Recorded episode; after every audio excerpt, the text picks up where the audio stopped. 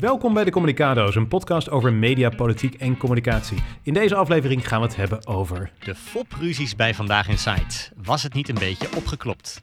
Dan op één verliest opnieuw een presentator. Plus, RTL 4 krijgt een nieuw logo. Duits design, jawel!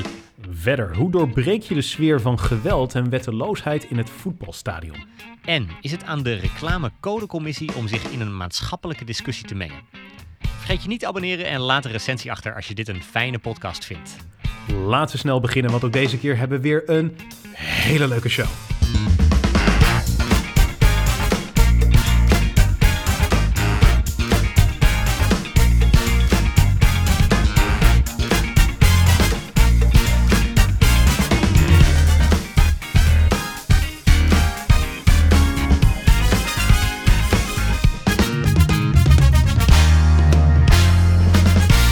Victor, er ging een grote schok door talkshowland deze week. Giovanka okay. Ostiana Je zet het wel weer neer, uh, jongen, jongen, jongen. Ja. Nee, dat klopt. Ja, we beginnen wel vaak met uh, talkshows uh, eigenlijk. Hè? Het wordt een beetje een soort van talkshow talk, deze podcast. Ja, maar even serieus, Giovanka. Oh, dat, wacht even, serieus. stopt als presentator bij Op1. Wat ben jij ineens fel vandaag? Ja. We moeten een beetje erop zitten. Gewoon okay, even okay. jou scherp houden.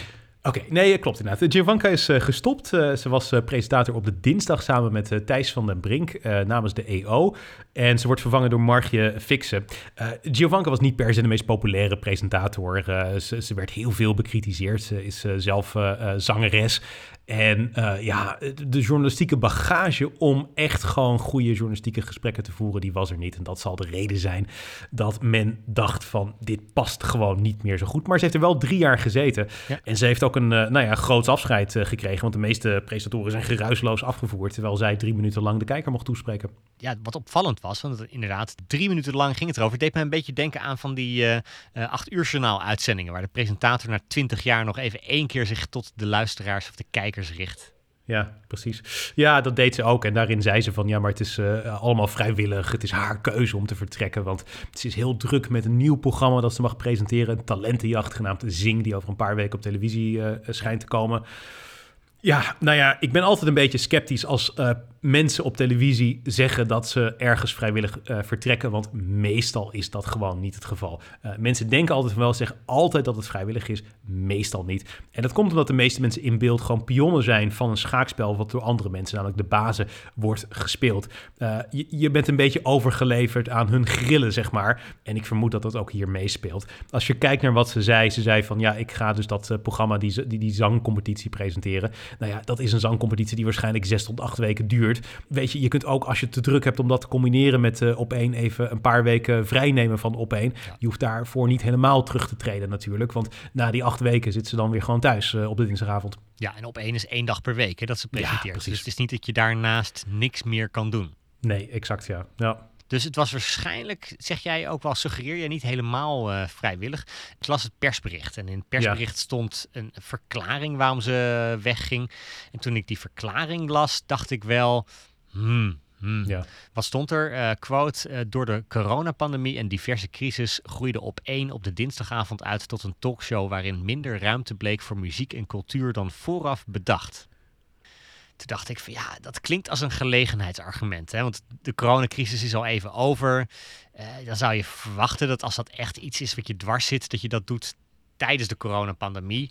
Maar zeker niet daarna. Nee, precies. Je had het ook anderhalf jaar geleden kunnen doen, inderdaad. Ja, ja nee, dat ben ik het mee eens. Ik denk wel, en dat is wel uh, wat klopt, ik denk wel dat op een een ander programma is geworden dan ze hadden gedacht uh, van tevoren. Als je het ook vergelijkt met uh, Pauw bijvoorbeeld, hè, wat, wat, wat in hetzelfde tijdslot kwam voor 2020, dan was Pauw ook wel echt een ander programma. De coronacrisis is misschien de directe aanleiding, maar het is ook vooral het veranderende la landschap in de late avond wat daar de reden toe is.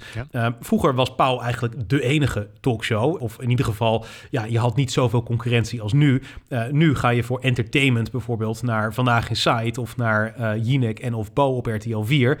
Um, dus je moet je onderscheiden. En op één is veel meer een actuele journalistieke talkshow geworden. Het is veel meer een soort van nieuwsuur light geworden. Met inderdaad wel minder aandacht voor cultuur en voor zang en voor al die dingen.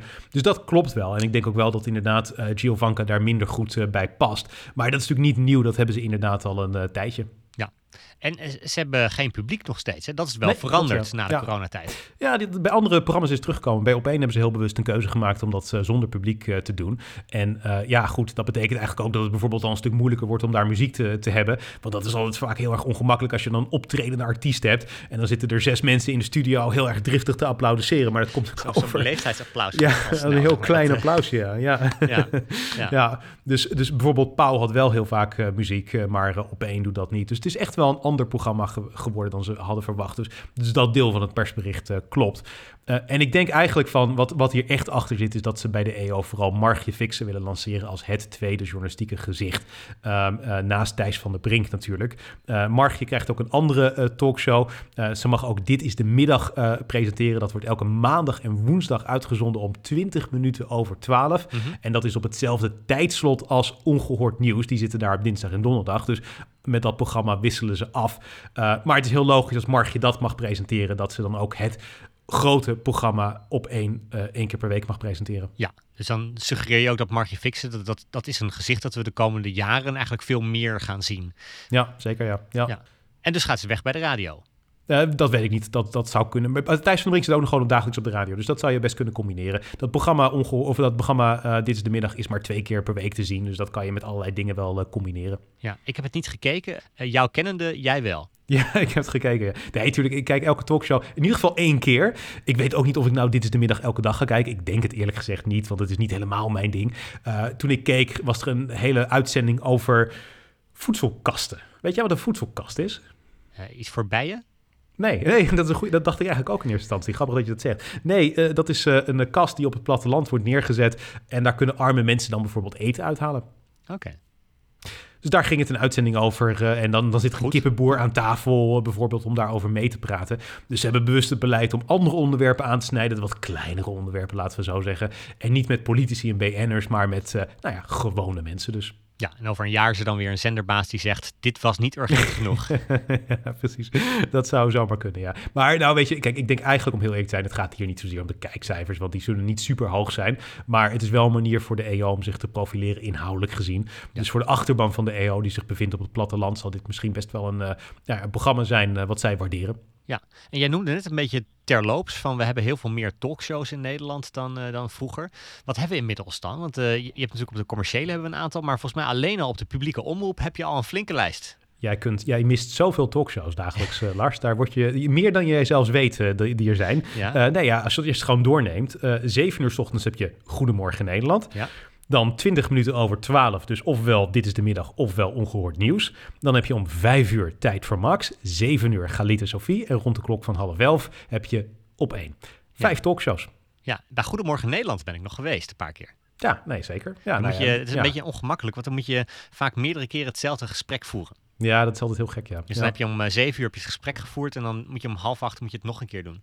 Ja, maar goed, ja, heel veel talkshows dus inderdaad. En eh, dat is een beetje de strategie van heel veel eh, zenders, ook internationaal gezien. Want ja, de streamingsdiensten, ehm, eh, die hebben het eigenlijk gewoon niet meer aantrekkelijk gemaakt om oude series te herhalen. Dat is wat vroeger, zeker overdag, heel veel werd gedaan. Eh, maar ja, tegenwoordig eh, staat dat allemaal op die streamingsdiensten. Dan kunnen me- mensen het kijken zonder reclame en eh, meteen een aantal afleveringen achter elkaar en op het tijdstip dat zij willen.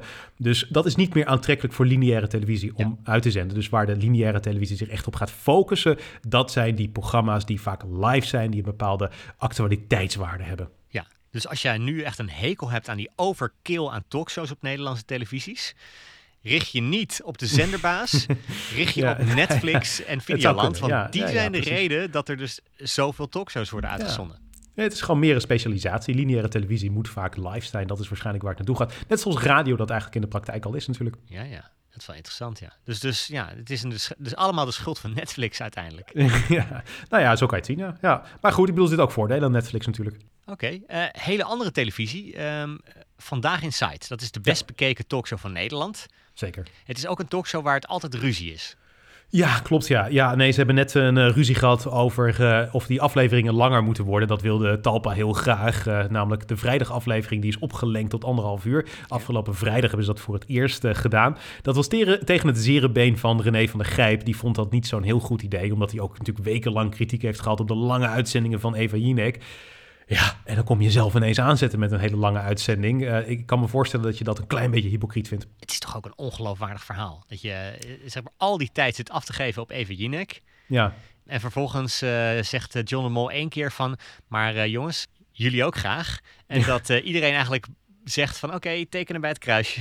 Nou ja, ze hebben er wel 1,2 tot 1,4 miljoen eh, euro voor gekregen. Dus uh, ik moet je heel eerlijk zeggen dat... Dat zou jij ook tekenen bij het Ja, ik zou ook zeker tekenen. Ja, absoluut. Ja, wel drie keer uh, inderdaad. Ja, ja. ja. nee, het is een goede... Ja, het is een goede... En vertaalbaar is daar ergens ook natuurlijk een hele goede deal. Want het duurt dus... nou, het duurt niet echt anderhalf uur. Het begon om tien over negen en het is om half elf alweer afgelopen. Dus 1 uur en 20 minuten. En daar zit een huisband bij, dus die speelt ook nog eens twee liedjes.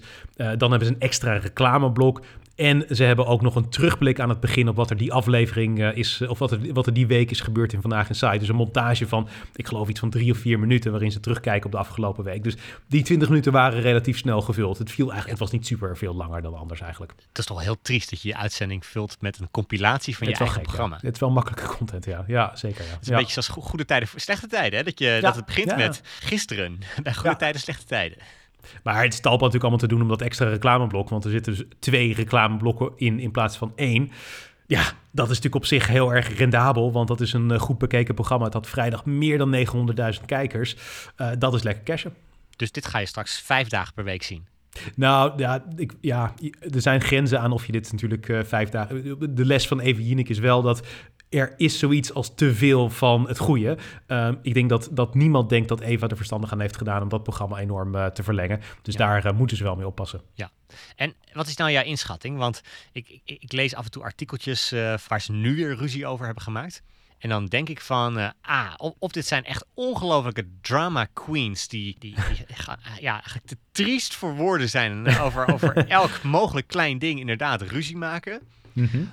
Of ze doen het bewust, omdat ze weten dat ja, dit soort ruzie leidt tot hogere kijkcijfers. Nou, weet je, ja, nee, precies. Uh, nou, ik, ik, ik geloof dat ze echt absoluut in het verleden natuurlijk heftige ruzies hebben gehad. En ik geloof ook zeker dat ze afgelopen week ruzie hebben gehad. Maar iedereen heeft wel eens ruzie. Uh, ik heb het idee dat dit echt enorm werd opgeklopt hoor. Dit werd enorm opgeklopt en vervolgens uitgemolken. Want er werden constant toespelingen uh, naar gemaakt. Wilfried Gené heeft zelfs in de vrijdaguitzending een, een minuut lang iedereen lopen bedanken.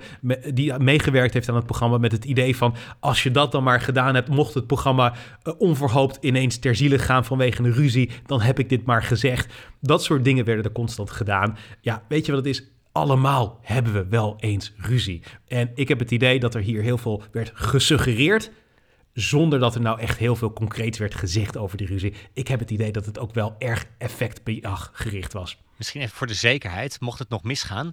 Tot zover deze aflevering van de Communicado's. Vergeet je niet te abonneren en te recenseren. Ja. ja. Ja, maar dat is dus inderdaad wat Wilfried Gené ook deed. Het was eigenlijk heel gek. Uh, maar, maar weet je wat, elke keer als hij dat soort dingen doet... en ook eerder maakte hij allerlei toespelingen zoals... Uh, ik zal het wel even laten horen trouwens. Dan zei hij dingen zoals van... misschien is het programma wel niet meer uh, op zender maandag. Ja. Dan worden er natuurlijk weer twintig krantenartikelen geschreven. Dat is conflict dat uiteindelijk hogere kijkcijfers creëert. dus er zit wel, ik vermoed ook wel echt een hele duidelijke strategie achter. Ja, moet je trouwens heel voorzichtig mee zijn met dat soort dingen. Want ik begreep, er zat een keer zo'n kijkcijfer-expert bij de Wereld Door. Die zei, als er alleen al een uh, deur dicht gaat, geloof ik, of zo... Ja. Dan, dan haken er alweer uh, honderdduizend kijkers uh, af die denken dat de aflevering ja. bijna afgelopen is. Maar zodra je ook het bedje hoort onder de aftiteling, dan ook al inderdaad. En dat is ook bij ons bij de podcast het geval. Dat bedje van ons, dat duurt ongeveer 18 seconden. Ja. En zodra dat bedje begint te spelen, zet iedereen dat ding uit. ja. Ja. ja, dus ook inderdaad, dus daarom is het bedje ook niet langer dan 18 seconden. Want anders zouden veel te veel mensen vroegtijdig afhaken. Maar inderdaad, ja, dat klopt dus wel. Maar ik wil je even laten horen hoe er geteased werd door Wilfred Gené. Dan kan je het zelf verwoorden. Dit komt uit een wandelgangen, de online rubriek. En hier vraagt Merel Eck Wilfred Gené naar de spanningen. En zie hoe hij ontwijkend antwoordt, maar wel heel suggestief. Maar wat, wat, wat, maakt het dan zo bijzonder voor, voor jou? Ja, Jij hebt dit al jaren meegemaakt. Ja, nee, daarom juist. Maar dan voel je precies aan wat er in de lucht hangt. Maar wat dan? wat maakt het bijzonder? Waarom moet jij nou... Wat, wat is dit?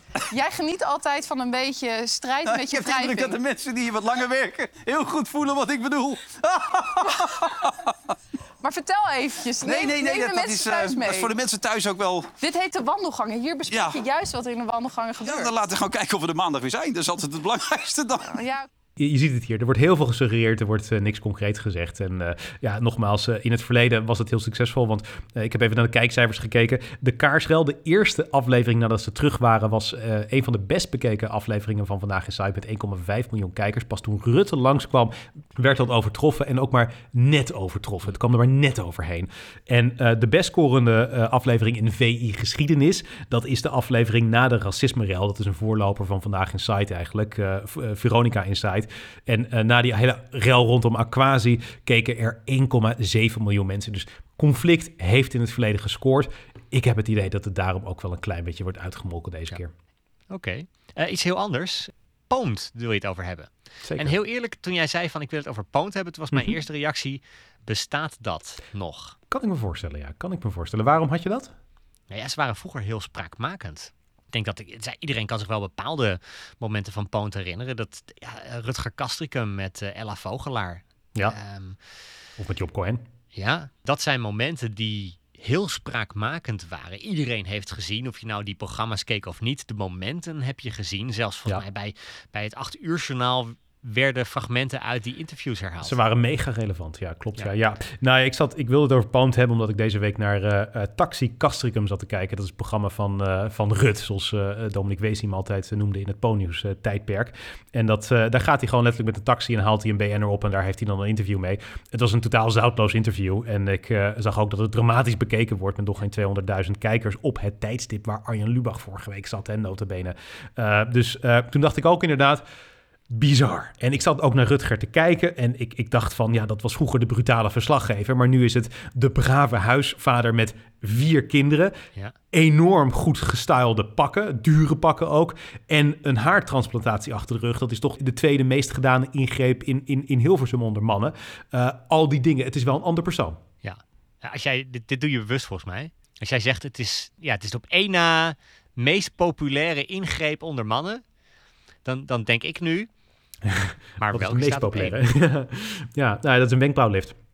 Oké, is dat eh, de, de Filemon-operatie? Ja, Filemon heeft ook. Die is onherkenbaar tegenwoordig, inderdaad. Maar inderdaad, een wenkbrauwlift eh, zorgt ervoor dat je net wat meer eh, ja, frisser, wakkerder oogt, zeg maar. Dus ja, naarmate je ouder wordt, doen veel mensen dat, Ja. inderdaad. Maar, Maar jij zegt van, eh, ehm, ja, Nou, dit, dit is niet het poont wat spraakmakend gaan, gaat zijn. Nou, het gekke is, ik had inderdaad hetzelfde gevoel als jij. En alles riep dat bij mij ook inderdaad op. Ik, ik, ik, ik, ik, had ook herinneringen aan een ander poont. Maar daarom ben ik er even ingedoken. Ik heb het jaarplan en, en, en zeg maar het jaarverslag, beide, er even bijgepakt. Om te kijken van wat nou hun eh, ja, bedoelingen zijn. En ik moet je eerlijk zeggen dat ik eigenlijk ehm, milder gestemd ben. Ik denk dat ze eigenlijk wel verstandig bezig zijn zelfs. Dit is toch wel een, moment dat ik wil markeren. Want jij hebt zo'n dik pak papier zitten lezen. Mhm. En daar werd je eigenlijk enthousiaster van over Poont dan een Nou, ja, aflevering ja. van Taxi Castricum. Het is een fors eh, beleidsplan eh, wat ik heb doorgenomen, inderdaad. Ja, ja klopt. Ja, ja dus zeker. Ik, ik werd echt inderdaad ik werd enthousiast. Maar ik zal er even gewoon drie even wat kleine puntjes uithalen die Ja. ik interessant vind. Eh, ten eerste was het zo dat hun doelgroep is jonge, hoogopgeleide mensen. En dan is altijd de vraag, weten ze die te bereiken? Nou, ja is het antwoord. Echt ja, want ze zijn dus eh, twee jaar geleden, geloof ik, eh, de grens gepasseerd van 50.000 leden. Toen werden ze een volwaardige omroep. Ja. En de gemiddelde leeftijd van hun leden is 27 jaar. Vergelijk dat eens met eh Caro en CRV. Een, paar, een tijdje geleden ben ik hun jaarverslagen gedoken. Ja. 42,5 is hun gemiddelde leeftijd. Bijna een Dus generatie tussen. Ja. Ja, het is echt aanmerkelijk. En dat betekent dus ook dat ze gewoon bij Poont eh, mensen in studentenhuizen hebben weten te overtuigen om lid te worden van een publieke omroep. Dat vind ik eerlijk gezegd best een prestatie. ja, dus die gemiddelde leeftijd is laag en het aantal leden is hoog. Ja, exact. In ieder geval hoog genoeg om een volwaardig omroep eh, te worden. En eh, het geluid wat ze hebben, dat beschrijven ze zelf als liberaal kritisch. Ze vertegenwoordigen daarmee niet een soort van traditionele waardegemeenschap, zoals bijvoorbeeld EO christelijke mensen vertegenwoordigt, maar een bepaalde levenshouding. Wat zij eigenlijk zeggen is dat, eh, en dit, dit, dit is hun filosofie, alleen door tegengeluid mee te nemen in de afweging kan iets op diens waarheid en bestaansrecht getoetst worden. De waarheid ligt in de discussie. En dat is wel iets wat je wel terugziet in inderdaad Poont-programma's. Eh, het gaat heel vaak over cancelcultuur en het echt zeggen van waar het op staat en dat ook de politici voorhouden. Dat herken ik ergens wel. Ik vind wel dat ze minder zichtbaar zijn geworden, maar dat komt voor een deel Ook omdat het dus programma's voor jongeren zijn die op NPO 3 en op Radio 3FM te horen zijn. En dat zijn natuurlijk ook minder bekeken en beluisterde zenders. En ook zenders waar ik en vermoedelijk jij, wij zijn Ja. toch eh, ex-jongeren, zeg maar. eh, waar, waar wij minder... heel, eh, heel triest om ja, jezelf klinkt heel triest. Ja, we zijn geen jongeren meer. ja, maar ik bedoel, Ja. daar zenden zij voornamelijk uit. En dat zijn wel een klein beetje ehm, zenders die wat kleiner zijn. Ehm, dus daarom is wij, maar wel heel veel programma's hoor. Want ook meiden die rijden wordt door Poont gemaakt. De Hofbar is een programma wat Rutger Kastrikum maakt met, politicus, met politici. Dus ze maken wat dat betreft veel media. Laatste interessante punt. eh, en dat is dat uiteindelijk er een idee achter zit dat ze nou met Taxi Castricum aankomen zitten. Want ik zei, het is een beetje zoutloos. Het is niet meer de Rutger van vroeger. Maar dat komt omdat er wel een strategie achter zit. Namelijk om een talkshow te krijgen. Poont wil een talkshow. In hun beleidsplan 2022-2026 zeggen ze letterlijk... wij ambiëren daarom een horizontaal slot op televisie... waar gasten aan het woord worden gelaten... die doorgaans niet worden uitgenodigd aan de bestaande tafels. Dus niet alleen dezelfde progressieve kliek mensen, zeggen ze dus. Maar dat heeft toch ook iets triest dat ze nu eigenlijk programma's maken die ze liever niet willen maken, om daarmee te kunnen bedelen Nou, voor een programma dat ze wel willen maken. Nou, als volwaardig omroep moeten ze natuurlijk ook gewoon heel veel eh, zendtijd eh, vullen. Dus ze moeten ook wel andere programma's. Maar ze maken, wat, ik denk dat ze doen, is ze proberen Rutger te profileren als iemand die in de toekomst de talkshow, de talkshow namens Poont kan dragen. En vroeger had hij natuurlijk een heel erg sterk profiel, maar het was ook een beetje afzeiktelevisie. En dan is de vraag of dat interessant genoeg is voor een volwaardige talkshow. En was misschien ook te sterk geprofileerd en trekt dan niet genoeg eh, het, het, het brede segment aan van Nederland. Dus ik denk dat ze hem als een iets redelijker persoon proberen neer te zetten, maar wel iemand die een talkshow kan dragen. Dat is volgens mij eh, de, wat, het, eh, wat de strategie is van eh Poot. Oké. Nou ja, ik ben heel benieuwd of dat lukt. Het, het klinkt wel een beetje geen stijl plus hoor, als ik, als Ja. ik heel eerlijk ben. Nee, dan heeft het zeker wel wat van weg inderdaad. want Ja, dat ze, ze komen natuurlijk voort uit geen stijl. En dat, dat is misschien wel meer rellerig. Maar Ja. toch, het, heel nieuw klinkt het ook weer niet, ja. Victor. Maar het zit niet in het publieke bestel. Dat vind ik wel daar waar ze een terecht punt hebben. Ehm, ik, ik vind het wel een ander geluid dan andere omroepen. Oké. Nou, die is in ieder geval helder. Dan gaan we nu naar, eh, naar een, een soort van experiment. Want... Dus moet je niet aankondigen. Dit is een hele slechte aankondiging, Lars. Kom op, nee, dit maar kan vind het beter. wel een experiment. Want Oh. eh, jij hebt echt wel gewoon echt het, eh, het, het, het nerdgehalte in deze podcast gebracht met dit is de tune van de week. aankondiging. Jij dacht van, dat kunnen we nog drie stappen verder pakken. Want we gaan Nee, het ja. hebben over de vormgeving van RTL 4. Je moet het En- actu- kijk, Nee, mag, mag ik zeggen, kijk, in een talkshow, wat je, eh, in een talkshow wat je doet, is je maakt altijd een actuele toespeling. Dus je komt- begint altijd met iets actueels. RTL 4 komt met eh, een nieuw logo en een nieuwe vormgeving vanaf mei. Je televisie ziet er anders uit vanaf dan. Ja. Oké, maar dat is nog steeds niet echt dat je- alsof je een, iets van een primeur naar brengen brengt. Nee, het is niet onze primeur, want het stond in het AD. Dus- Of tenminste, die eh, mediajournalist van het AD zette het op Twitter. Nee, maar dat hoef je niet erbij te zeggen. Je zegt van, eh, als je zegt half Nederland schrikt zich in mei dood. Als je, eh, als je, op, je op je vier drukt op je televisie en het lijkt alsof het kanaal is overgenomen door een Duitse zender. Ja, Maar nou, precies. wij weten hoe dat komt en hoe dat eruit gaat zien en wat dat voor jou betekent. Het is inderdaad, er zit wel een serieus eh, eh, groot punt achter, wat ik denk ook wel wat interessant weergeeft over wat eh, veranderingen die daar aan het plaatsvinden zijn. RTL 4 krijgt een nieuw logo. Het is gebaseerd inderdaad op het Duitse logo, wat ze al sinds 1992 hebben. Het zijn drie blokjes, drie vierkantjes, met daarin de letters RTL en een vier ernaast. En eh, dat eh, ja, is dus al het logo wat in Duitsland wordt gebruikt. En eh, het werd ook al twee jaar geleden aangekondigd dat dit zou gebeuren. Want RTL Groep, het, moederbedrijf van alle RTL-zenders in Europa... en dus ook RTL 4 en andere RTL Nederland-zenders... die heeft al twee jaar geleden gezegd dat ze naar één merkidentiteit toe gaan. En dat is dus dit. Het is wel voor het eerst in tien jaar dat RTL nieuwe vormgeving eh, krijgt. Want eh, de afgelopen vormgeving is echt ongelooflijk lang meegegaan. Echt Ja. ongelooflijk lang. In de eerste tien jaar van het bestaan van RTL 4 hebben ze vier keer een nieuwe vormgeving gekregen. Dus met deze vormgeving hebben ze echt extreem lang gedaan. En toch gaan we terug in de tijd, hè? want we gaan eigenlijk naar de layout die al heel lang gebruikt wordt in Duitsland. Nou, het logo in ieder geval wat in Duitsland gebruikt wordt. De vormgeving wordt eh, sinds 2021 in Duitsland gebruikt. Hij is ook in eh, Hongarije al uitgerold. RTL Hongarije gebruikt hem. Eh, dit eh, eh, in mei dus RTL Nederland. En later dit jaar gaat ook RTL in Luxemburg inderdaad deze vormgeving gebruiken. Maar eh, wat betekent dit voor ons? Nou, kijk, eigenlijk vind ik het persoonlijk uh, jammer. Want uh, er wordt gezegd van we willen alle RTL-zenders één merkidentiteit geven. Dat, dat zegt het persbericht van de RTL-groep toen ze dit twee jaar geleden aankondigden. En dat klinkt logisch, maar ja, dat is het natuurlijk volstrekt niet. Want waarom zou het belangrijk zijn dat als Nederlander, als je in Hongarije op vakantie gaat, dat je dan weet dat je met uh, een RTL-zender te maken hebt? Je spreekt waarschijnlijk de taal niet. En daarnaast, al die RTL-zenders hebben ook totaal andere programma's. Boer zoekt vrouw wordt bijvoorbeeld op RTL Hongarije uitgezonden, terwijl het bij ons bij de publieke omroep wordt uitgezonden.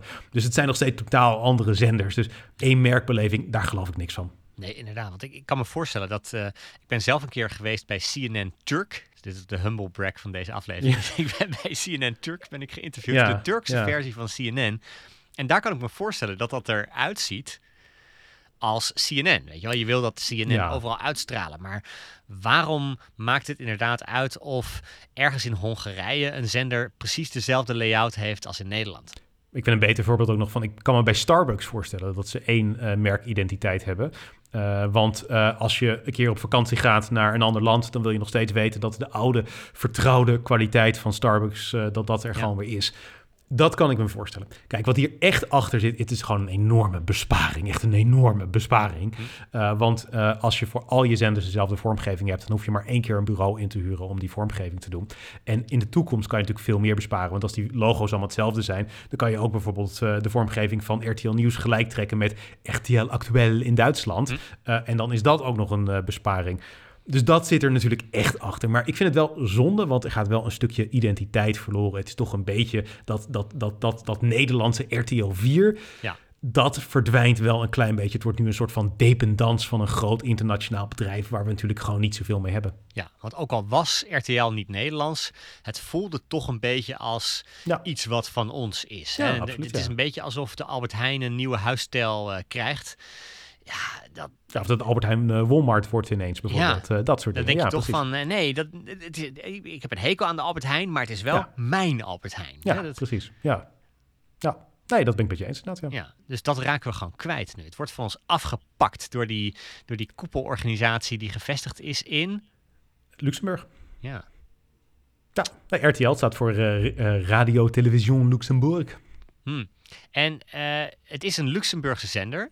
Ja. Ik denk dat, dat dat is niet nieuw. Dat weten de mensen, de meeste mensen wel. Nou, het heeft een Luxemburgse licentie inderdaad. Dus RTV is officieel een Nederlandstalige Luxemburgse zender. SBS is bijvoorbeeld wel echt een Nederlandse zender. Het heeft een Luxemburgse licentie inderdaad, ja. ja. Maar jij vertelde me afgelopen week iets en sindsdien is mijn leven niet meer hetzelfde. ja, nee, ja, nou, ja, kijk, het is een Luxemburgse zender. En dat komt omdat uh, dat echt, dat is heel bewust een strategie geweest van, de, van, van het groothertogdom Luxemburg. Want dat is natuurlijk een klein land, half miljoen inwoners. En wat is het probleem? Dat is eigenlijk te klein om rendabel een mediaaanbod voor te maken. Dus om toch te zorgen dat er een Luxemburgs journaal is, een Luxemburgse televisie, een Luxemburgse radio, heeft de staat in Luxemburg een deal gesloten met RTL. En ze hebben eigenlijk gezegd van jongens, we willen dat jullie voor ons uh, radio en televisie maken. Daar ga je geen geld op verdienen. Sterker nog, daar ga je uh, eigenlijk gewoon geld op verliezen. Ja. Maar in ruil daarvoor krijg je van ons internationale uitzendlicenties. Dus uh, licenties om in het Nederlands en in het Duits en in het Hongaars televisie te maken. En dat is wel rendabel, want op die licenties wordt ten eerste nauwelijks toezicht gehouden. Dat kan dus veel meer dan op een Nederlandse licentie. En het is ook nog onder gunstige uh, fiscale voorwaarden. Dus daarom is RTL inderdaad een Luxemburgse zender. Het is enorm in hun voordeel om dat te zijn. Ja. Maar dat is dus ook inderdaad een bewuste strategie geweest van de Luxemburgse staat. Ja, maar dat was niet waar ik van achterover viel. Nee, waar ik, dan wel van? Ik, ik viel achterover toen je zei... Lars, zet je wekker om half zes ja. en kijk naar RTL 5. Ja, nou ja, je weet, als je mij vraagt, zijn. zet je wekker om half zes, kijk naar RTL 5. dan doe ik dat. Dus ik zit klaar om, om, om, om half vijf. Ik kijk naar de Nederlandse zender RTL 5. En toen hoorde ik dit. Guten am Journal positiv Resultater, obwohl Dëmfeld lastür net ganz einfach war. Het Luxemburgse nieuws ja. op RTL 5. Ja. En dat is dus elke ochtend om half vijf is dat te horen. Dus als je een keer uh, ja, een nachtje niet kan slapen of je hebt een baby die je wakker houdt en je, je denkt van nou het is half vijf, hey, half vijf. Zet ja. de televisie aan, RTL 5 en je ziet het Luxemburgse nieuws. Elke dag inderdaad. En uh, volgens uh, Stichting Kijkonderzoek uh, kijkt er echt letterlijk niemand naar. Letterlijk zijn de kijkcijfers nul. En dat ja, is ook helemaal niet de bedoeling van RTL dat mensen daar kijken. Maar ze moeten ergens nog bewijzen dat ze Luxemburg zijn. Want het commissariaat van, voor de media in Nederland wil heel graag dat RTL een Nederlandse licentie gaat gebruiken. Maar daar voelt RTL natuurlijk om voorgenoemde redenen echt helemaal niets voor. dus dit is om te bewijzen dat ze echt Luxemburgs nog steeds zijn. Dit was echt het winnende argument voor, de voor het commissariaat van de media. Om half vijf elke ochtend zenden we het Luxemburgse Ja. nieuws uit. Zie je wel, we zijn Luxemburgs. Het, het slaat inderdaad natuurlijk totaal eh, nergens op, inderdaad. Vroeger hadden ze ook nog van die weerkaarten met eh, specifiek Luxemburg en België er dus ook op. Eh, dat hebben ze ook overigens laten varen. Maar ja, dat was ook om, om een soort van toespeling erop te maken dat ze eigenlijk gewoon Luxemburg zijn.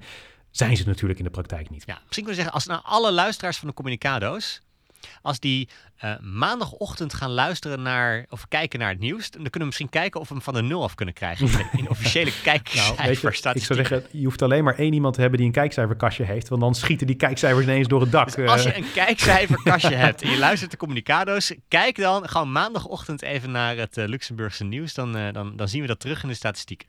we gaan het bijhouden inderdaad. Dat is wel leuk. Volgens mij mag dat overigens niet trouwens, wat, wat wij nu doen. Oh. Ja, Eh, krijgen wij nu een klacht aan onze broek van het commissariaat voor de media? Nou, volgens mij van de Stichting Kijkonderzoek. Je mag volgens mij niet op. Ja, maar ik weet niet precies wat de reden. Misschien mag het in de podcast wel, maar op televisie mag je dat ook niet eh, doen. Nee, nee. eh, om eh, mensen met kijkcijferkastjes specifiek eh, eh, gedrag te ontlokken. Nou, stuur ons een mailtje naar Vraag het Fik en Lars. Maar het is wel grappig. Ja, het zou grappig zijn als er ineens gmail.com. 50.000 mensen. Want één kijker is waarschijnlijk meteen direct eh 50.000 erbij. Eh, dus ja, je kunt het verschil maken met een kijkcijferkastje.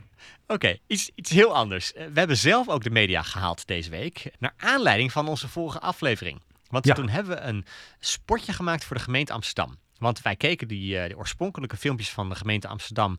die eh, de, de stad gebruikt om eh, Britse toeristen af te schrikken. En wij zeiden dat, zijn- dat zijn slechte filmpjes. Jij vond het helemaal niks. Ik vond En het dan, niks. is, en dan is ook de logische vervolgvraag van, maar kan je het zelf beter dan? Ja. En dat heb je gedaan. Ik heb een filmpje ge- of ik heb een, eerst, een, eerst gewoon een, eh, een spotje gemaakt voor in de podcast. Toen heb ik wat beelden erbij gezet en hem op YouTube geknald en op eh, Twitter gezet. Nee, precies. Want het, het is eigenlijk gewoon het spotje wat mensen gehoord hebben Ja. in de podcast met een transcript erbij. Eh, met het idee van als, als er beeld bij zit, gaat het makkelijker viral, geloof Ja, ik. Toch? Dat was wel een beetje mijn gedachte, ja. En nou ja, zondagochtend kwam onze podcast online en hebben we het filmpje on- online gezet. Zondagmiddag werd ik al gebeld door het parool. Want er stond een groot stuk op de site en ook in de krant zelf met een screenshot van ons filmpje waarin ons alternatieve spotje werd besproken. Ja. En dat eindigde ook op ad.nl, toch de, volgens mij de best bekeken nieuwssite van, eh, van Nederland. Eh, Ja, nu.nl is dat trouwens, maar dat, ja, nu.nl Ja. wel bij. Maar goed, Ja. veel bekeken in ieder geval. Ik kreeg 50.000 views met, eh, met het filmpje en zo. Dus het, het ging aardig rond. Dumpert heeft hij nog gestaan. Ja, nee, dat ging eh, heerlijk eh, rond inderdaad. Ja, dat is eh, hartstikke mooi natuurlijk. Wel grappig hoe dat gaat in, inderdaad. Ik, ik heb het idee, het, het is vooral wel een beetje een Amsterdamse bubbel waar het in rondging. Ik heb niet het idee dat ze in Schonebeek nou heel veel hebben meegekregen van dit sportje. Ik, ik denk dat je gelijk hebt. Ja. Ik denk dat je gelijk hebt. Maar er zijn wel heel veel Amsterdammers. Ongeveer net zoveel als er Dat mensen zal. zijn in Luxemburg. Meer zelfs. Veel meer zelfs. Anderhalf keer zoveel. maar het is wel interessant hoe je dingen een beetje viral kunnen laten gaan inderdaad. Ja. Het sportje knippen is denk ik een goede zet geweest en daar een filmpje bij maken. Ook al is het maar gewoon even heel simpel een filmpje erbij. Dat vergroot de kansen dat het gewoon eh, verspreid wordt eh, heel erg. Ja, we zullen het filmpje in de show notes eh, zetten. Of ze heeft de gemeente Amsterdam nog niet gereageerd. Nee, nee, nee, ik kan me voorstellen. Ja, Ik denk ook beetje niet dat ze dat gaan doen. een beetje wrijf in de vlek inderdaad, ja. Ja. Ja. Oké, iets anders. De tune van de week. Want Ja. eh, nee, wacht even. Ho, ho, ho, Oh. ho. In het draaiboek staat wel eerst een teaser, Lars, Oh. die jij moet voorlezen. We hebben Ja. tegenwoordig een heel professioneel draaiboek. Het is wel de bedoeling dat je eraan houdt. eh, eh, ja, zal ik hem even voorlezen? Graag. Dan probeer ik het met enthousiasme gewoon heel spontaan te doen. Dan zeg ik straks hoe de belangrijkste oorzaak van supportersgeweld onbenoemd blijft. Heel goed, heel goed. Ja, heel goed. Ik denk dat het ook gewoon iets dat onbenoemd blijft, is een goede teaser, Ja, toch? een hele goede teaser. Maar je moet er niet lang bij stilstaan. Oké, Door. want het is inmiddels weer tijd voor de tune van de week. Want elke week kies jij, Victor, een legendarische tune uit jouw collectie die volgens het Guinness Book of World Records maar liefst 78 dagen aan muziek bevat. Victor, welke tune heb je deze week meegenomen? Nou, ik denk dat we wat meer agenda-zettend moeten zijn in deze rubriek. En daarom heb ik een tune eh, meegenomen die mensen niet kennen, maar waarvan ik wel denk van dit is een stijl die wij eigenlijk veel meer in Nederland zouden moeten zien in de toekomst. Het is de tune van de CBS Evening News uit 2019. En uh, waarom wil ik hem laten horen? In Nederland zien we dat nieuwstunes de laatste tijd heel erg elektronisch zijn. Hè? Dat is de, eigenlijk de tune van het journaal ook, die van RTL Nieuws en ook die van Hart van Nederland. En ik mis af en toe een beetje power. Ik vind de journaaltune toch een beetje ik denk van, ah, het is allemaal een beetje zoutloos. Ik wil ja. power terug erin. Ik wil dat er gewoon uh, peper in zit. Het is er gewoon te veel Rutger ja, de nieuwe Rutger ja. En daarom dacht ik van, ik ga een tune die gemaakt is in een nieuw genre laten horen, namelijk zogenaamde epic music. Dat wordt ook wel moderne klassieke muziek genoemd. Dat is uh, een combinatie tussen elektronische ritmes, dus denk bijvoorbeeld aan een floor-to-the-floor beat, gewoon mm, mm, mm, mm, mm, en daar bovenop rijke orkestrale melodieën met heel veel emotie. Ben je benieuwd? Ja, laat me horen. Hier komt uh, de afsluiter van de CBS Evening News.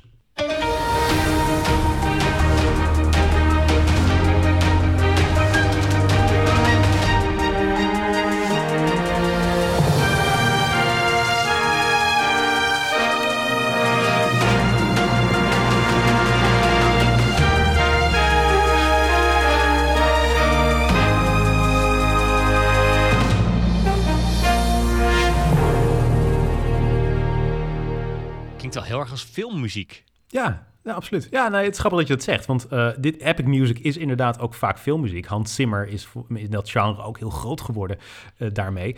Het is heel eigen tijds. En nogmaals, de power die erin zit. Dus aan de ene kant zit er een orkest in. En aan de andere kant die hele moderne beat. Dat is echt een prachtige combinatie. Ja.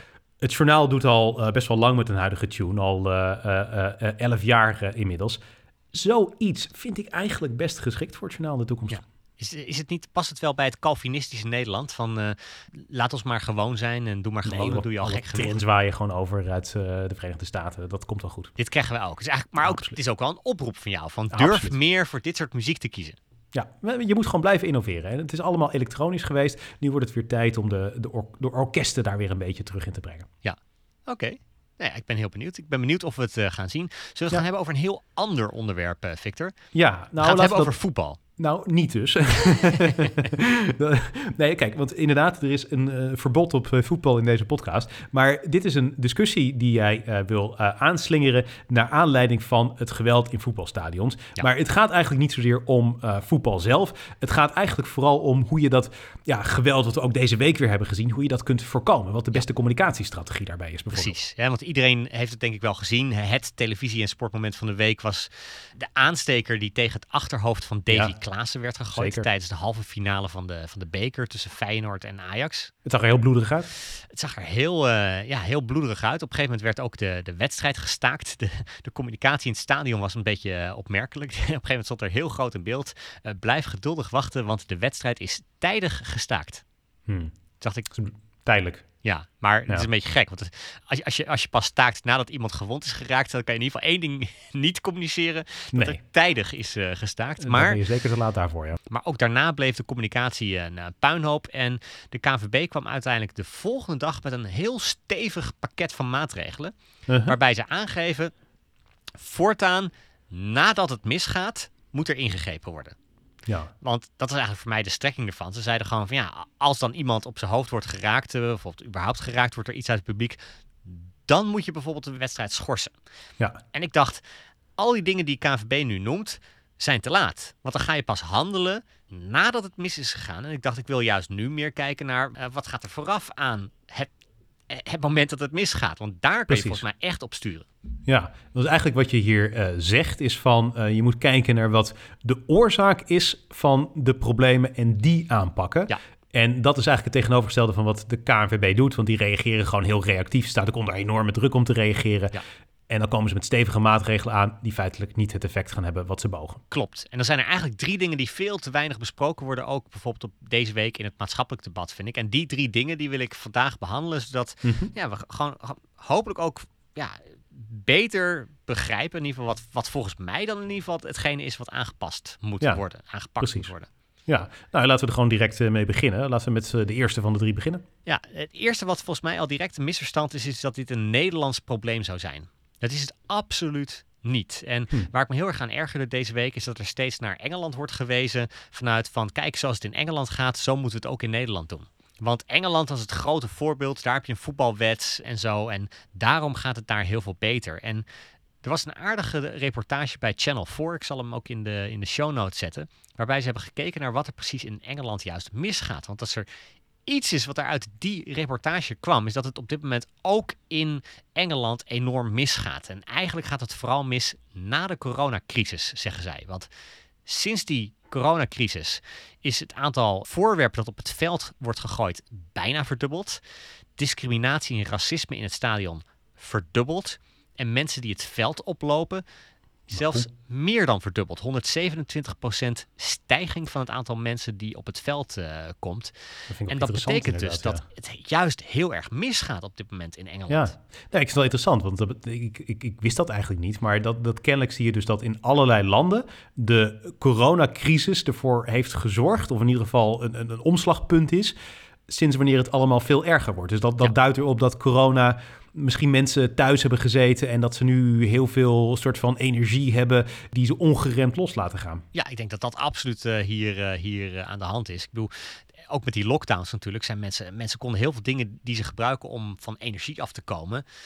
Die, die konden ze niet meer. Hè. Ze konden niet meer sporten, ze konden niet meer naar de sportschool, ze konden niet, niet meer naar de kroeg, ze konden ook niet meer naar voetbal. Dat is toch een uitlaatklep voor heel veel mensen. ja, En zeker. ja, nu kan het ineens weer en dan gaan mensen ook echt helemaal, eh, helemaal los. In Ik de ben ook benieuwd trouwens of dat eh, op eh, andere vlakken zichtbaar is. Dat, ik, ik, Ja. ik, bedoel, ik, weet dat je dit, tenminste dit zal je niet hebben opgezocht, maar bijvoorbeeld ben ik ook wel benieuwd of dit leidt tot meer criminaliteit Ja. bijvoorbeeld. Het zou me niet verbazen. In ieder geval bepaalde soorten criminaliteit. Dat, dat zou me absoluut niet verbazen. In de Volkskrant stond wel een andere analyse die ik interessant vond. Van wetenschapsjournalist Maarten Keulemans. Die heeft gekeken naar hoe er bij andere pandemieën, dus andere dan de eh, gereageerd werd op die pandemie en wat er daarna gebeurde. En dan, en dan zie je dat er heel vaak in, eh, in de historie zag je sociale onrust na een pandemie. Dus ja, Ja, ja. Dat, dat wordt in, eh, in, in, in Groot-Brittannië ook een beetje vergeleken met carnaval. Weet je? je hebt 40 dagen vasten en als je dan op een gegeven moment weer mag, dan! Ja. Dan gaat het ook echt helemaal, eh, helemaal los. Of het suikerfeest voor onze islamitische volgers. Ja, ja, het is goed dat je dat, er, eh, goed dat je dat erbij ik haalt. eh, eh. ben eh, zo van de diversiteit en inclusiviteit, Lars, dat ik dat even erbij moest ja, vermelden. we moeten een, re- een religie-diverse podcast eh, houden, Victor. Dus goed dat je dit aanvult. maar ehm, ik denk dat dat een, echt wel een, een, een rol hierin speelt. En je ziet het dus ook in andere landen. Dus ook in Italië zie je het, in Frankrijk zie je het. Er is meer voetbalgeweld. Maar het is absoluut wel het gevolg van volgens mij een bredere maatschappelijke trend. Interessant punt, want dit is niet besproken inderdaad, voor zover ik weet, of niet veel besproken in de media. Dus dat is wel een eh, interessant eh, punt om hier aan te halen inderdaad, ja.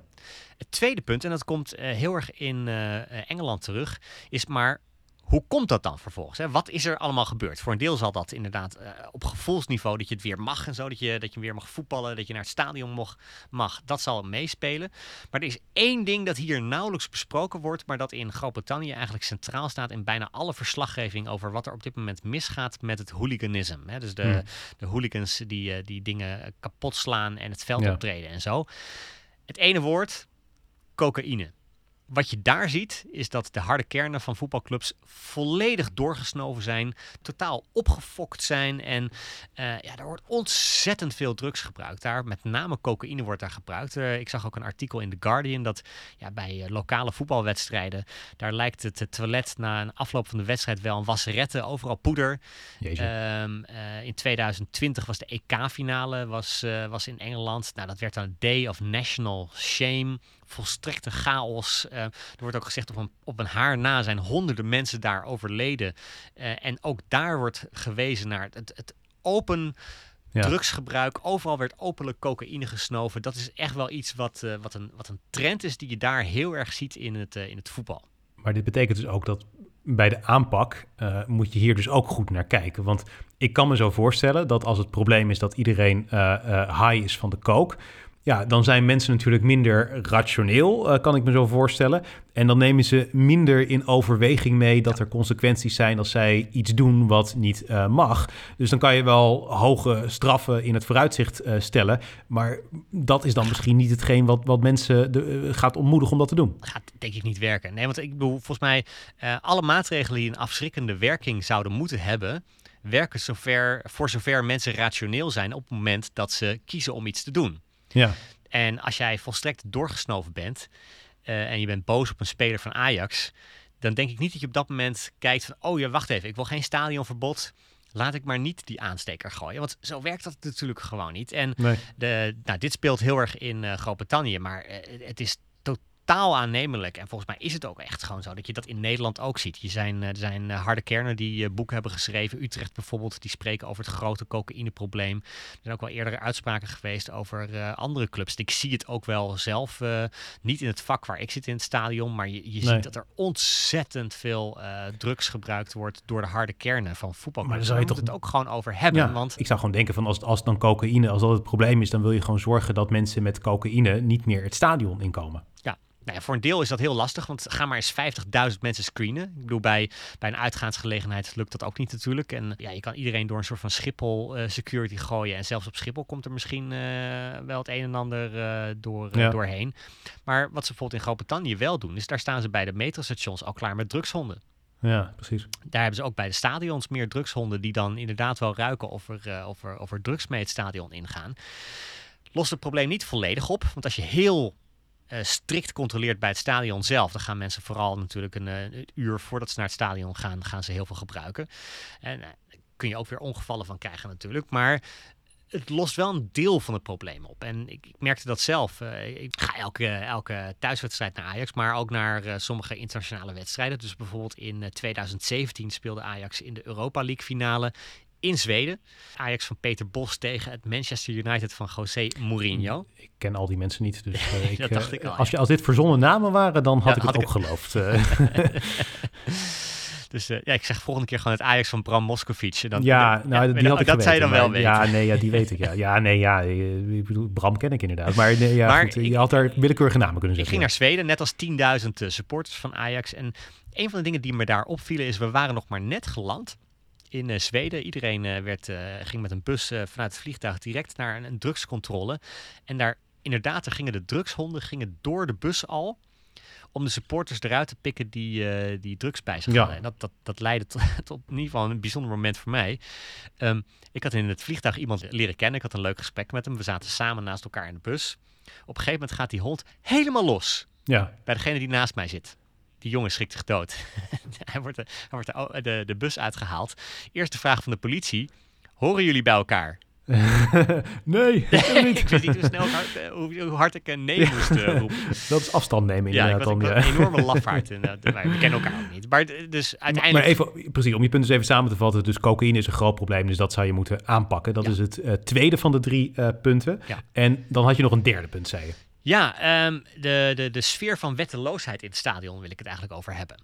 Want wat mij altijd opvalt is dat eh, in, het, in het stadion mogen een hoop dingen niet, Ja, maar die gebeuren dan toch. ja. Eh, gewoon even één praktisch voorbeeld. Er is een rookverbod in Nederlandse voetbalstadions. Hm. Dat is een wettelijk verbod. ja. Je mag dus niet roken. Wordt niet nageleefd. Mensen roken gewoon massaal, zeg jij. Ja, er overal wordt gerookt. En in het, in het vak van de harde kern rookt een overgrote meerderheid. Hè, dus daar, eh, Ja, daar, staat het blauw van de, van de, van de, van de rook.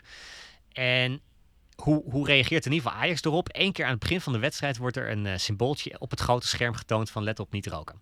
Dat is het dan. Want in Nederland is dan de Voedsel- en Warenautoriteit. Die moet af en toe controleren of, eh, of, of er gerookt wordt in het stadion. En, en een steward vertelde me jaren geleden al... van als dat gebeurt, dan krijgen de stewards krijgen een waarschuwing... van straks even opletten, zeker in bepaalde vakken... want ze weten van tevoren al waar dan Ja. gecontroleerd gaat worden. En in die vakken wordt dan even eenmalig wel even... wordt, eh, wordt het publiek aangesproken van even niet roken vandaag. Precies, ik begrijp je. Feitelijk heeft het gewoon geen enkele zin. Eh, het wordt eh, gewoon niet goed gehandhaafd, dat eh, rookverbod. En dus Nee. houdt niemand zich daaraan. En als ik, je goed, als ik je punt dan goed begrijp, dan zeg je eigenlijk dus omdat niemand zich eraan houdt, heb- heeft iedereen het idee van ja, hier kan en hier mag alles. Er zijn geen consequenties. Klopt. En dat leidt dus tot ernstigere dingen. Nou ja, ik denk dus, ik, daar ben ik bang voor. Want als je, als je ziet dat alles maar mag in het stadion. Als dit mag, dan ga je op een gegeven moment ook andere dingen doen. Hè? Want ik, Ja. ik probeer me gewoon even af voor te stellen hoe dat zou gaan in een andere setting. Stel dat je een trein hebt, Ja, waar ook een rookverbod is. zeker. Waar de, de, de regel is, net als in het stadion, dat als je de, de eerste keer gepakt wordt, krijg je een waarschuwing. Tweede keer krijg je een waarschuwing. En pas Ja. bij de derde keer wo- word je, word je vriendelijk gevraagd om het eh, stadion te verlaten. Nee, ja, precies. Het zou ja. leiden tot totale chaos in de Tuurlijk. trein en ook Ja, onrust in de trein. En, en ja, ik, ik ben ervan overtuigd dat als een paar mensen gaan roken in de trein, dat dan ook heel veel andere dingen in de trein gaan gebeuren die de trein onveilig maakt. Ja, nou, dat is het argument inderdaad. Dat, ik begrijp het inderdaad. Het is natuurlijk ook, uh, ik heb ooit een keer het boek uh, Freakonomics uh, gelezen, waarin de, de Broken Windows Theory of Policing in staat. En het idee daarachter is dat als de politie in New York meer gaat optreden tegen het, ja, bijvoorbeeld als er een raam ingetrapt wordt met een bal, een kleine overtreding, dan weten mensen dat er politiegezag geldt en dat je dus niet met alles wegkomt. En dan gaan ze dus ook geen ernstigere dingen doen, zoals bijvoorbeeld drugsdealen of noem het allemaal maar op. Ja, en dat is ook de reden waarom de NS bijvoorbeeld direct de treinen schoonmaakt, volgens mij, wanneer de graffiti op, uh, op, op, zit.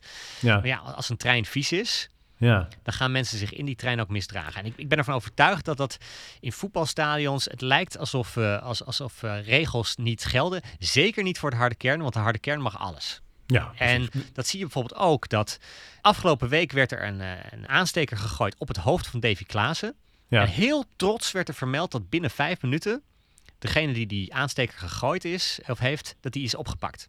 Ja, precies. En, en dan denk ik, hier gaat het fout. Ja. Want er worden tientallen, zo niet honderden keren per wedstrijd worden er aanstekers op het veld gegooid. Maar tenzij je toevallig iemand op zijn hoofd raakt en het hoofd gaat bloeden, wordt er niks tegen gedaan. Terwijl ik dan denk, iedere persoon die een aansteker op het veld gooit, of het nou raak is of niet, stadionverbod. Ja, klaar. Precies. Dus dat is inderdaad gewoon het punt. Van je moet de wedstrijd niet stilleggen op het moment dat het één keer raak. Uh, maar je moet hem al veel eerder optreden om te zorgen dat dat überhaupt uh, niet uh, gebeurt. Want daarmee kan je voorkomen dat de wedstrijd precies. stilgelegd hoeft te worden. Exact. Dus er moet gewoon harder op worden getreden tegen kleine dingen, zeg je eigenlijk. Ja, ik denk dat dat... Hè, ik voel een beetje een soort van zure conservatief in deze podcast ineens. Dat ik een soort van law and order ga zitten bepleiten. Maar ik denk dat dat wel hier ehm, een, een nodig is. Ja, ja, ik, ik weet, ja, maar ik denk dat law and order ook iets heel menselijks is trouwens hoor, toch? Ja. Weet je niet? Nou ja, kijk, het punt is natuurlijk, want daar, daarmee komt het weer samen. Kijk, de KNVB heeft hierop gereageerd door te zeggen van als het misgaat, dan uh, moeten we harder ingrijpen. En de clubs die zeggen ook van we moeten een voetbalwet hebben, zoals in uh, Engeland, zodat we hooligans een gebiedsgebod kunnen geven. Maar dan denk ik van ja, dan moet je die hooligans wel eerst durven aanpakken natuurlijk. Dan moet je misschien Zeker. ook als iemand het stadion uitzetten omdat hij aan het roken is. Maar dat gebeurt nu niet. Nee, Oké, maar goed, dit is dus een uh, duidelijkere manier om uh, daarmee om te gaan. En dat is denk ik wel uh, goed om dat eens te beseffen. Er is veel discussie over en weinig over de echte oorzaken. En dat is denk ik wel interessant ja. wat je hier toevoegt aan de discussie. Oké. Oké, uh, dan de reclamecodecommissie. Die oordeelde deze week dat het radiospotje van uh, gendertwijfel... dat zij hebben uitgezonden de afgelopen maanden... dat dat onnodig kwetsend was. Transgender Netwerk Nederland die had bezwaar gemaakt tegen dat spotje... en zij hebben gelijk gekregen. Ik zal eerst even het spotje laten horen. Het is overigens een advies wat de reclamecodecommissie uh, geeft. Het is niet per se een dwangbevel om het nooit meer uit te zenden. Speel af. Als moeder ben ik tegen de transgenderwet. Mijn dochter kan zich registreren als man, onze zoon als vrouw. Dit kan zelfs onder de 16 jaar. Geslacht is toch geen keuze? Tweede Kamer, stop de transgenderwet. Kijk op gendertwijfel.nl. Het spotje probeert mensen dus te mobiliseren om uh, tegen de nieuwe transgenderwet uh, uh, te zijn. En dat daar beslist de Kamer over in juni. Dus dat, dat, op zich, dat, dat is de actuele aanleiding voor dit spotje. Ja, wat ik interessant vind, we kunnen het over een aantal dingen hebben. Maar de eerste vraag die ik ook even had van uh, de reclamecodecommissie. Wie zijn dat ook alweer? Want ik, eigenlijk weet ik er heel weinig over. Um... Het feitelijk zijn vertegenwoordigers van de branche. Dus er zitten uh, adverteerders in. Dus dat zijn grote bedrijven zoals bijvoorbeeld uh, Coca-Cola en Nestlé. Die zitten erin. dan zitten de mensen die de reclames uitzenden in. Dus er zitten ook vertegenwoordigers van de Ster, van Talpa en van RTL in. En daarnaast ook bijvoorbeeld de reclamebureaus. Die zijn er ook in vertegenwoordigd. Het is een manier om te zorgen dat, de, ja, dat, dat, dat het niveau van de reclames, dat dat uh, gehandhaafd wordt. Het punt is dit. Ik kan me heel goed voorstellen dat je dat wilt doen. Ik heb daar geen enkel probleem mee als het op cornetto-ijsjes aankomt. Maar ik vind het wel heel erg vreemd dat uh, de mensen die uh, gespecialiseerd zijn in het uh, verkopen van cornetto-ijsjes op zo'n effectief mogelijke manier, dat die ineens de politie zijn van ons maatschappelijk debat. Dat zouden we gewoon simpelweg niet moeten hebben. Er is een actuele maatschappelijke discussie die speelt rond, rondom deze transgenderwet. En wat de reclamecodecommissie, of zij dit kwetsend vinden, of niet, dat is totaal irrelevant. Daar hebben zij geen enkele expertise in. Zij moeten zich beperken tot dingen die commerciële uitingen zijn. Dit is een niet-commerciële uiting. Jongens, daar gaan jullie niet over. Is dat zo? Want ik kan me voorstellen dat het onderdeel van hun werk is wel om juist te beoordelen of een reclame niet over de grens gaat. Stel, stel, stel dat Ja. een, eh, er een sportje wordt uitgezonden op de radio en dat zegt van eh, je bent dik, je bent lelijk, je bent smerig, iedereen Ja. kijkt op je neer. Kom daarom naar de Nationale Liposuctiekliniek.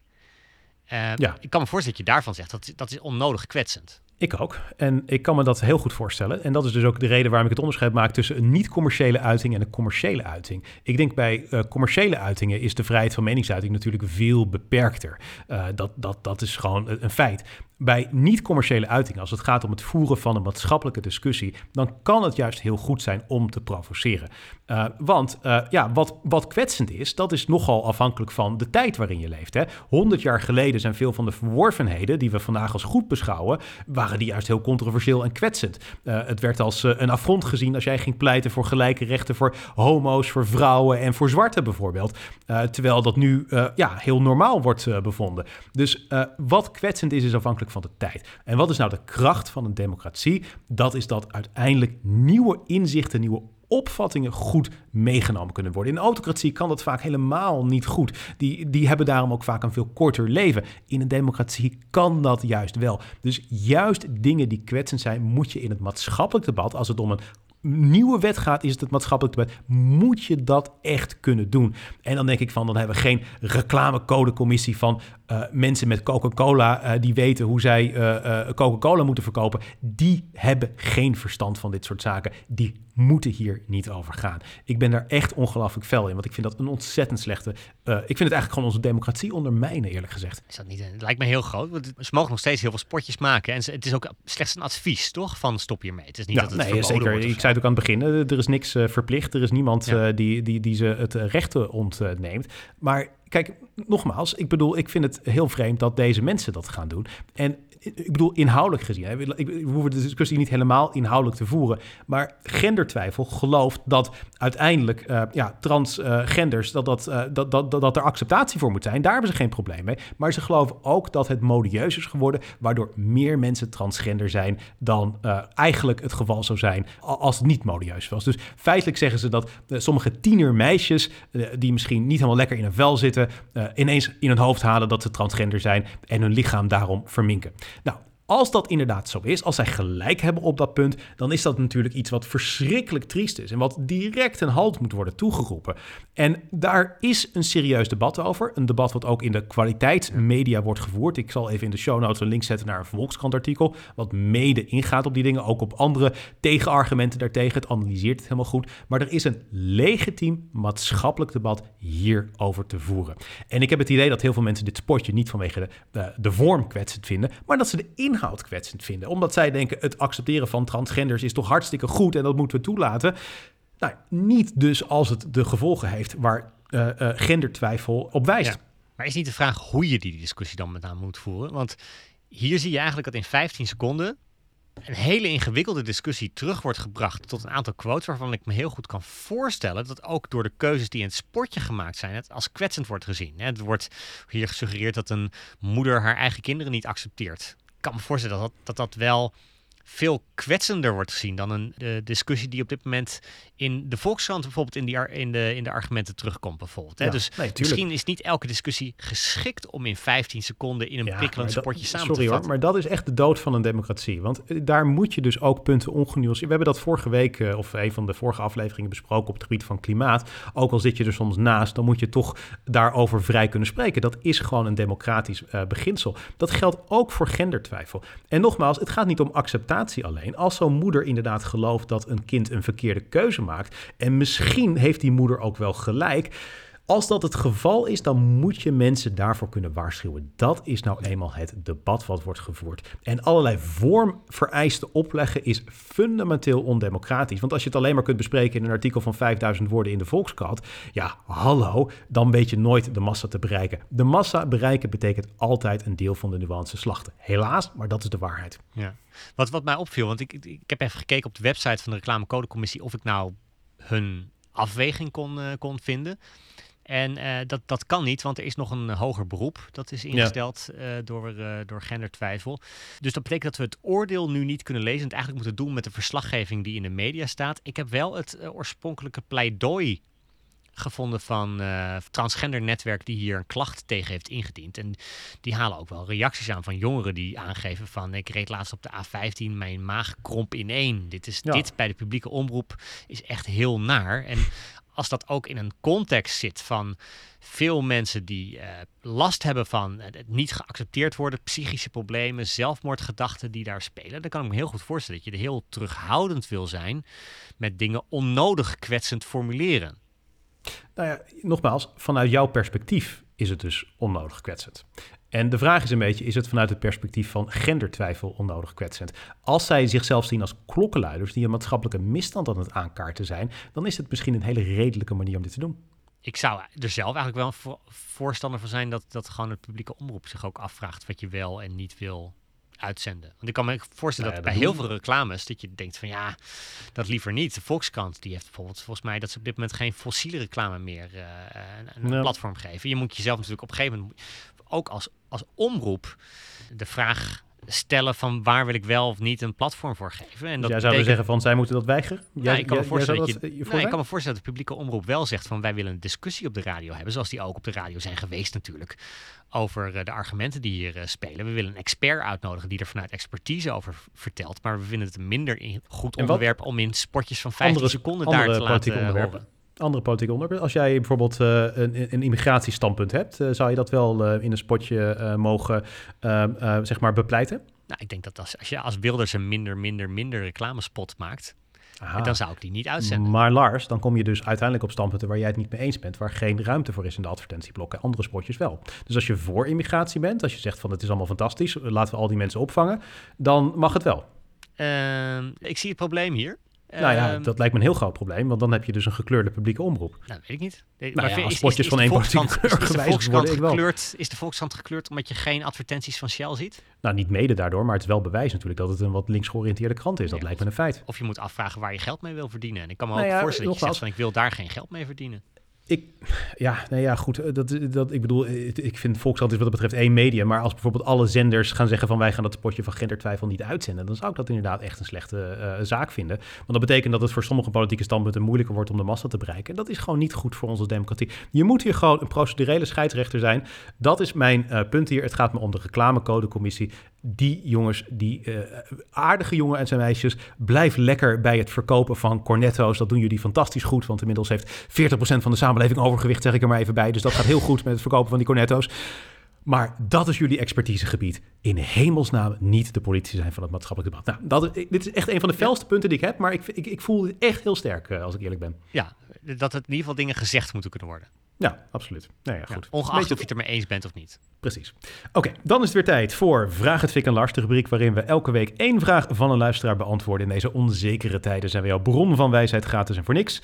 Je kunt ons een vraag stellen door een mailtje te sturen naar vraaghetvikanlars.gmail.com. Dat mag een vraag zijn om, om, om, advies, om onze mening of iets persoonlijks en zelfs impertinents. De vraag van deze week komt van Stefan en hij schrijft... Beste Victor en Lars, in jullie podcast hoor ik regelmatig moreel discutabele strategieën... waarvan je ook kunt zeggen dat ze slim zijn bedacht. Bijvoorbeeld het rapport over The Voice in de laatste aflevering. Hoe gaan jullie hier zelf mee om? Hebben jullie als professional wel eens meegewerkt om bijvoorbeeld iets onder het tapijt te vegen of te bagatelliseren, terwijl je privé vond dat het meer in de openbaarheid behoorde te gebeuren? Ik ben benieuwd. Stefan.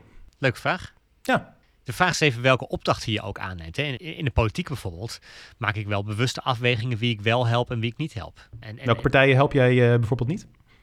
Uh, ik zou uh, Forum voor Democratie, PVV, zou ik niet helpen. Ja, want jij vindt ze gewoon, uh, ja, jij bent het er gewoon totaal mee oneens. Je vindt het slecht voor uh, de democratie.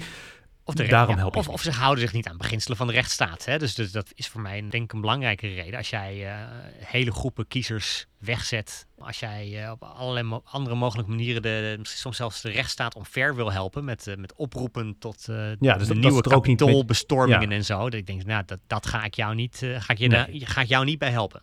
Begrijp ik. Maar dat is dus het antwoord op Stefan. Dat, dat strookt niet met jouw uh, principes, dus daarom help je die niet. Ja, en dat is denk ik... Bij bedrijfsleven is, wordt het al complexer. Want je moet daar eigenlijk vooral kijken naar het doel waarmee je iets doet. Want soms denk ik ook wel, heb ik opdrachtgevers waarvan ik denk... Ik lees wel eens iets in de krant waarvan ik denk... Oeh, Dat is niet zo goed. Hè? Dat, kan, dat kan een uh, farmaceutisch bedrijf zijn of dat kan Ja. een eh, bank zijn eh, waarvan je denkt van oeh, dat ja, Zou je wil ik daarbij helpen? Ja. En Zou je per definitie bijvoorbeeld niet voor de tabaksindustrie werken? tabaksindustrie zou ik uitsluiten. Ja? Daar wil ik echt niks mee te maken hebben. Hm. Het is gewoon een industrie die zichzelf ten doel stelt om zoveel mogelijk mensen dood te maken. Ja, ja, ja nee, goed, ik ben het er helemaal mee eens. Eh, ik vind het verschrikkelijk. Ik weet niet of ik het per definitie zou weigeren, eerlijk gezegd. Maar dat komt ook vooral omdat je vaak maar een heel klein radertje in een heel groot eh, geheel bent. Maar bij de farmaceutische industrie kan je bijvoorbeeld meer zeggen van ja, die, die maken juist medicijnen die ons beter maken, ongeneeslijke ziektes genezen. Ja. Maar kan je wel een probleem hebben met wil je ze helpen om zoveel mogelijk geld daarmee te verdienen, bijvoorbeeld. Ja. Dan denk ik al van, hmm, Het ligt er wel een beetje aan wat de opdracht precies is, inderdaad. En om de vraag van Stefan eh, te beantwoorden. Ik, naarmate je er ook gewoon heel erg induikt, merk je ook wel bij jezelf dat je het vaak in een grijzer gebied eh, gaat zitten. Het is Ja. moeilijker om er heel zwart-wit over te oordelen. Ik denk dat wij beide niet een opdracht zouden aannemen van eh, die we echt bij voorbaat niks vinden. Maar ja, er, er is wel een grijs gebied waar misschien andere mensen erover zouden kunnen oordelen dat ze niks vinden. Dat denk ik wel. Heb jij, heb jij dingen geweigerd die, je- die, je- die je anders wel had gedaan als je niet een enig, enig moreel Ja. kompas zou hebben? Nee, nou ja, ik, ik heb ooit een keer eh, van de advocaat van Wilders het verzoek gekregen om in het eh, proces eh, van rondom dat minder, minder, minder gebeuren en als getuigendeskundige op te treden. Dat heb ik toen de tijd niet gedaan. Ik moet eerlijk zeggen dat ik meer vond dat het veel gedoe zou opleveren, imago-schade zou opleveren, dan dat ik het nou moreel niet per se juist vind. Want ik, ja, ik, ik denk dat wat ik daar gewoon had gezegd, dat was denk ik niet eens verschrikkelijk controversieel geweest. Maar ik had geen zin in dat gedoe. En ik heb ook geen, geen zin om verbonden te zijn aan Wilders. Want er zijn, er zijn echt heel veel standpunten natuurlijk waar ik het volstrekt niet met Wilders eens ben. Uh, dus dat wilde ik daar niet. Maar hoe rijm je Uh, dit nou met je uh, standpunt net? Want toen zei je van ja, iedereen moet wel een gelijke kans krijgen in dat maatschappelijk debat. Mhm. Heeft hij ook niet recht op jouw getuigenis als dat, als dat, als dat, als dat hem helpt om een, een standpunt in de maatschappij over het voetlicht te brengen? Ja, maar wat ik probeer dus ook te zeggen, het is niet per se moraliteit wat me ertoe heeft uh, gebracht om het niet te doen. Het is meer dat ik denk van dit gaat mij heel veel gedoe opleveren. En ja, eh, als, als ik daar vervolgens imago-schade schade door leid, dan, uh, dan waarom zou ik een verplichting hebben om dat te doen? Ja, dus het heel pragmatisch eigenlijk. Ja, Ja. Dat is pragmatisch. Maar ja, kijk, het enige wat, waarvan ik kon bedenken, want ik vind het op zich wel een leuke vraag van Stefan. Het enige waarvan ik denk van dat is misschien een heel klein beetje dubieus, maar zelfs daar vond ik het niet. Maar dat is natuurlijk het lastige. Andere mensen kunnen soms beter oordelen. Ik heb ooit een keer een documentaire die uh, gemaakt werd door Sofie Hilbrand echt compleet uh, uh, helpen verstoren. Omdat mijn, zeg maar, de mensen die ik begeleide, dat was een gemeente. En, en Sofie maakte een, een serie documentaire over opstandige burgers, zeg maar. En ja, de mensen die, zeg maar, klaagden volgens de gemeente die ik adviseerde, ja, was dat gewoon echt niet een sympathiek persoon die het verkeer, bij het verkeerde eind had. En uh, in eerste instantie hadden ze niet gereageerd op de mediaverzoeken van uh, Sophie en haar redactie. Uh, maar ze hadden al wel opnames gemaakt. Toen zei ik tegen die mensen: van, jongens, jullie moeten echt reageren. Want als je niet reageert, hm. dan wordt er een documentaire gemaakt zonder jullie kant van het verhaal erin. Dus je kunt beter heel erg snel wel reageren. En dat hebben ze toen gedaan. Maar ik heb tegelijkertijd de strategie bedacht om heel erg veel te reageren. Als in heel veel informatie beschikbaar te stellen. Om ze eigenlijk gewoon, om eerlijk te zijn, overladen met informatie. Hm. Dus ze gingen van niet reageren tot heel hier erg is, uh, Hier is uh, duizend pagina's ja. aan uh, achtergrondkennis. Bij wijze van spreken. Bij ja. wijze van spreken inderdaad, ja. En dat leidde ertoe dat die uitzending uiteindelijk heel erg ja, mat was. Want het verhaal wat ze oorspronkelijk wilden vertellen... dat konden ze niet meer vertellen... want er waren gewoon te veel tegenargumenten ingebracht. En ja, in die gemeente die ik dus adviseerde... waren ze eigenlijk best wel blij met wat daar is uitgekomen. Kijk, ik denk dus dat de, mijn gemeente uh, daar een punt had. Ik denk dat, de, dat Sophie en haar redactie deze uh, klager verkeerd hadden uitgezocht om het voor hem op te nemen. 100% zeker weten, doe ik dat natuurlijk niet. Nee. Dus ik heb ik daar inderdaad de boel verhinderd, ja. Maar ik geloof dat het moreel uh, goed uh, te accepteren was. Uh, ik had het anders niet gedaan. maar ja, dat is wel iets wat natuurlijk lastig is. Want ik word wel betaald door ze. En ik zit er wel vanuit hun kant in. Ik krijg wel de informatie van hun kant. Dus ik ben natuurlijk wel eenzijdig gevoed met informatie daar. Dus je zou niet meewerken aan een campagne waarbij iemand die het eigenlijk bij het juiste eind heeft, moedwillig kapot wordt gemaakt door iemand anders. Uh, nee, als ik, als ik het zo zag, dan zou ik het absoluut niet doen. Dan zou je in Amerika zou je überhaupt niet bij een campagne kunnen werken als je het, als je het zo strikt formuleert. Want daar, al die, al die spotjes daar maken iemand kapot. Ja, ja, nou ja, goed, maar dat is natuurlijk ook hoe politiek daar bedreven wordt. Maar ik bedoel ook vooral te zeggen dat als uh, een overheid een burger kapot gaat maken, ja. uh, vind ik dat wat anders dan als twee, politicus, twee, twee politici elkaar de tent uitvechten. Oké. Okay. Nou, volgens mij hebben we daarmee een antwoord op de vraag van uh, ja. Stefan. dank je wel voor je vraag. Vraag het uh, Vic en Lars.gmail.com is het adres waar ook jij jouw vraag naartoe kunt sturen. Tot zover deze aflevering van de Communicados. Vergeet je niet te abonneren en te recenseren. Een hele fijne week. Hoi hoi.